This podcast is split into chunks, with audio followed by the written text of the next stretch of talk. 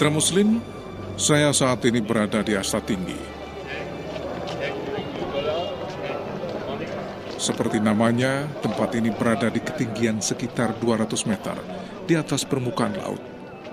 Cukup tinggi untuk wilayah pantai seperti Sumeneb, wilayah paling ujung timur Pulau Madura.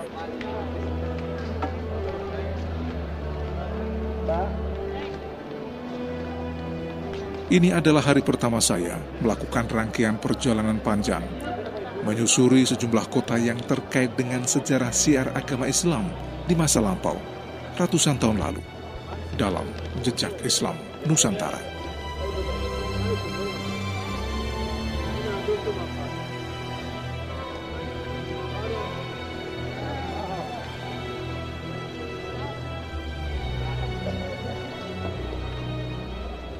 Saya memilih Sumeneb karena ingin memulai perjalanan di Pulau Jawa ini dari arah timur ke barat.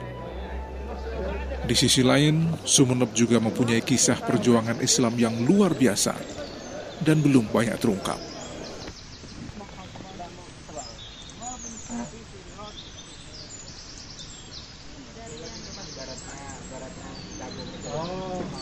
Panorama di sekitar Asta Tinggi sangat menakjubkan. Selain suasana alam, tata ruang dan bentuk bangunan komplek pemakaman ini ternyata sangat artistik. Di sini saya bisa melihat pemandangan kota Sumeneb. Bahkan garis pantainya terlihat jelas.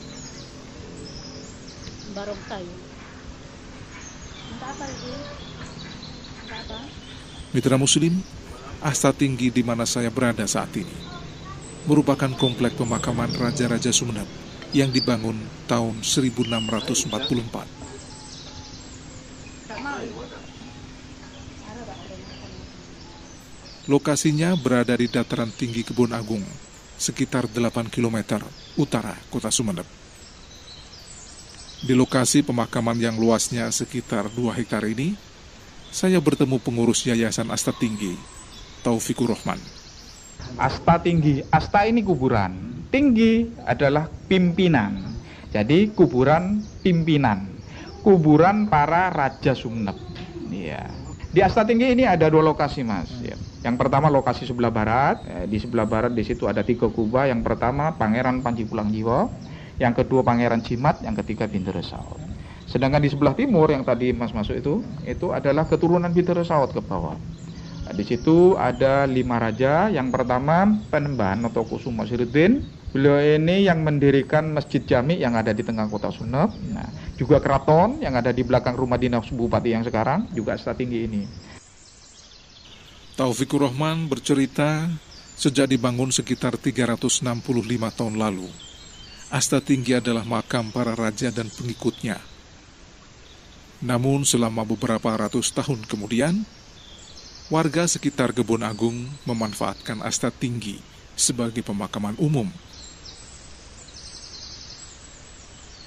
Setelah keberadaannya dinilai sangat penting dan perlu dilestarikan, maka pemerintah Kabupaten Sumeneb hanya memperbolehkan para keturunan raja yang dimakamkan di asta tinggi.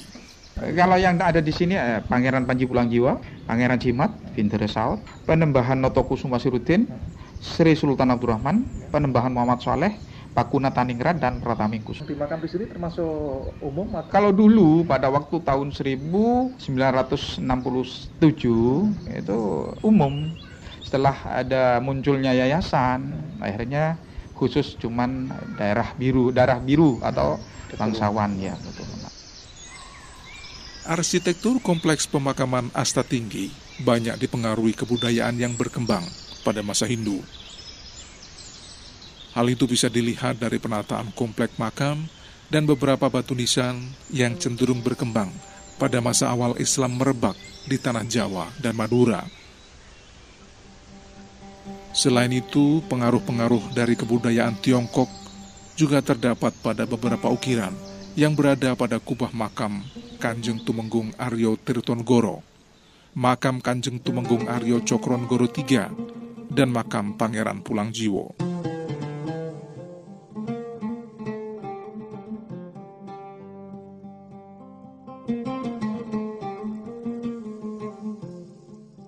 Pengaruh arsitektur Eropa juga mendominasi bangunan kubah makam Sultan Abdurrahman Pakunatan Ningrat I dan makam Putih Mangun yang terletak di luar Asta Induk. Dalam kawasan kubah makam Sultan Abdurrahman Pakunatan Ningrat I, seluruh bangunannya dipengaruhi gaya arsitektur klasik. Kolom-kolom ionik masih dipakai di beberapa tempat, termasuk juga pada kubah makamnya. Sangat indah. Pemerhati sejarah sekaligus budayawan Sumeneb, Ahmad Junaidi, menuturkan arsitektur bangunan makam di Asta Tinggi sengaja dibuat sesuai dengan kebudayaan pada abad ke-18, di mana saat itu penjajah Eropa, terutama Inggris, sudah masuk bahkan menguasai sebagian Madura. Pak ini kubahnya ini kan mengingatkan saya pada bangunan-bangunan Eropa. Damaskus Iya. itu. Karena pada zaman Sultan Abdurrahman itu memang itu tahun 1811 Inggris masuk ke sini. Hmm. Jadi setiap pemerintahan penjajah mana pun yang masuk Hmm. itu menjadi inspirasi pada pemerintah pada zaman itu Hmm. bagaimana mengkolaborasi istilahnya bentuk bangunan ya itu. Jadi, Makanya pola bangunan barat sama timur sebenarnya itu satu kesatuan yang tidak bisa dipisahkan. kalau bentuk bangunan kubah seperti itu apa namanya ini Pak? Ada nama khusus untuk Madura? Enggak, enggak ada. Ada. Iya. Kalau di, di dalam babat Dur, eh, babat Sumeneb yang yang kuno itu yang Hmm. tulisan eh, Jawa itu Hmm. Kubah Sultan Abdurrahman gitu Beran. Tidak ada namanya itu. Cuman diterangkan di sana modelnya sudah seperti halnya yang ada di Eropa kayak Hmm. gitu.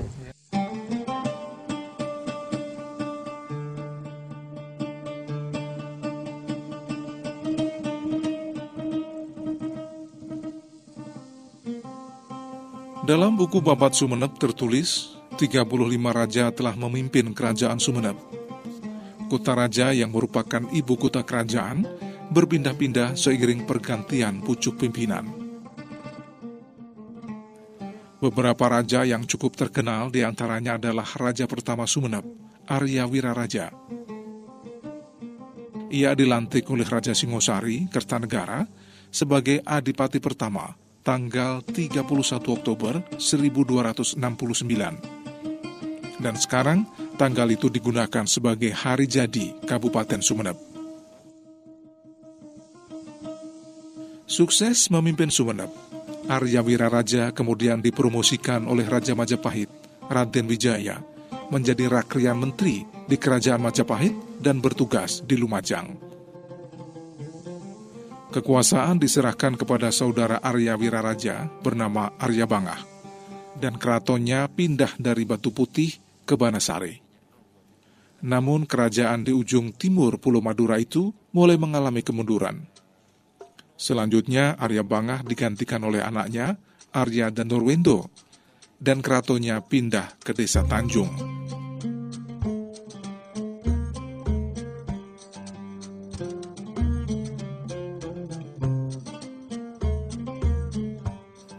Kepemimpinan di kerajaan Sumeneb terus berganti dan berpindah-pindah. Ketika posisi raja dijabat Pangeran Bukabu, keraton dipindah lagi ke Bukabu, tepatnya di Kecamatan Abunten. Dan saat diganti oleh adiknya, Pangeran Baragung, kembali keraton dipindahkan ke Desa Baragung di Kecamatan Gulu-Gulu.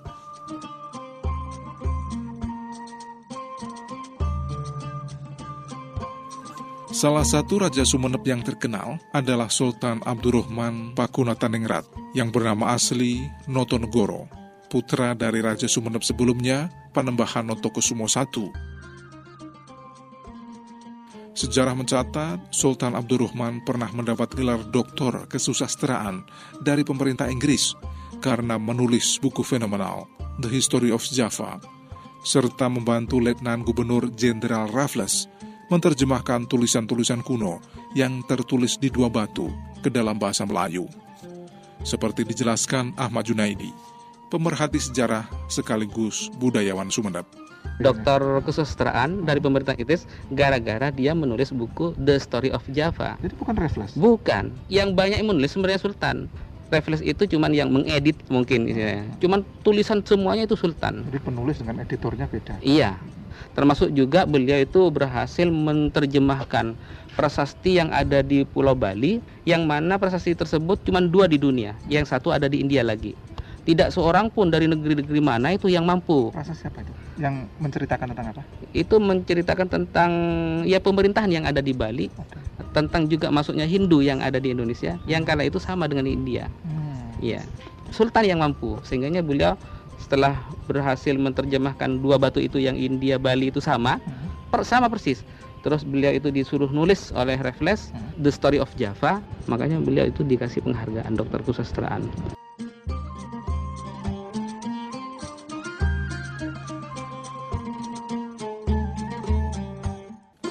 Sultan Abdurrahman Pakunataningrat dikenal sebagai sosok yang menguasai beberapa bahasa. Di antaranya bahasa Sangsekerta, bahasa Kawi, Arab, Inggris, dan bahasa Belanda. Ia juga menguasai ilmu pengetahuan dan agama. Di samping pandai membuat senjata seperti keris, Sultan Abdurrahman Pakunataningrat dikenal sangat bijaksana dan memperhatikan nasib rakyat Sumeneb. Karena itu ia sangat disegani dan dijunjung tinggi oleh rakyat Sumeneb sampai saat ini.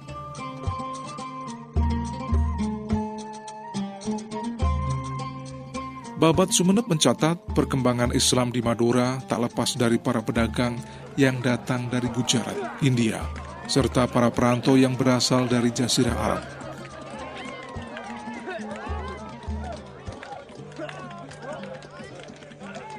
Mereka yang berhasil mendarat di Madura juga memberi kontribusi akibat interaksi, baik budaya maupun tata kehidupan. Model akulturasi budaya yang ada di masa silam secara jelas masih bisa dinikmati sampai hari ini, yaitu dengan melihat kekayaan detail arsitektur yang ada di masjid, rumah warga, dan bangunan lainnya. Budayawan yang juga tokoh agama Madura, Zawawi Imron menjelaskan, Islam masuk ke Madura jauh sebelum era Wali Songo. Itu pada tahun 1062 sudah berdiri pesantren di Madura itu namanya pesantren Jentampas. Tahun 1062. Jadi 450 tahun sebelum Wali Songo sudah berdiri dan pesantren itu letaknya di Sotaber di Kabupaten Pamekasan pesisir utara.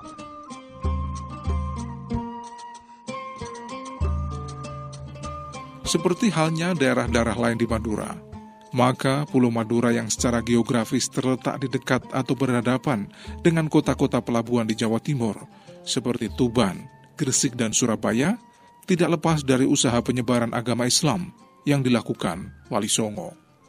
Dan kemudian di zaman Wali Songo, sebagian Wali Songo itu dalam kitab Tarikhul Aulia, karangannya Kiai Haji Bisri Mustafa, disebutkan beberapa Wali Songo itu punya mertua di Madura. Bahkan ketika wafatnya salah seorang wali itu diceritakan bahwa sudah ada Sunan Mondorogo dari Madura yang ngelayat ke Jawa pada saat itu. Jadi berarti bersamaan dengan Wali Songo itu Islam sudah masuk juga ke Madura.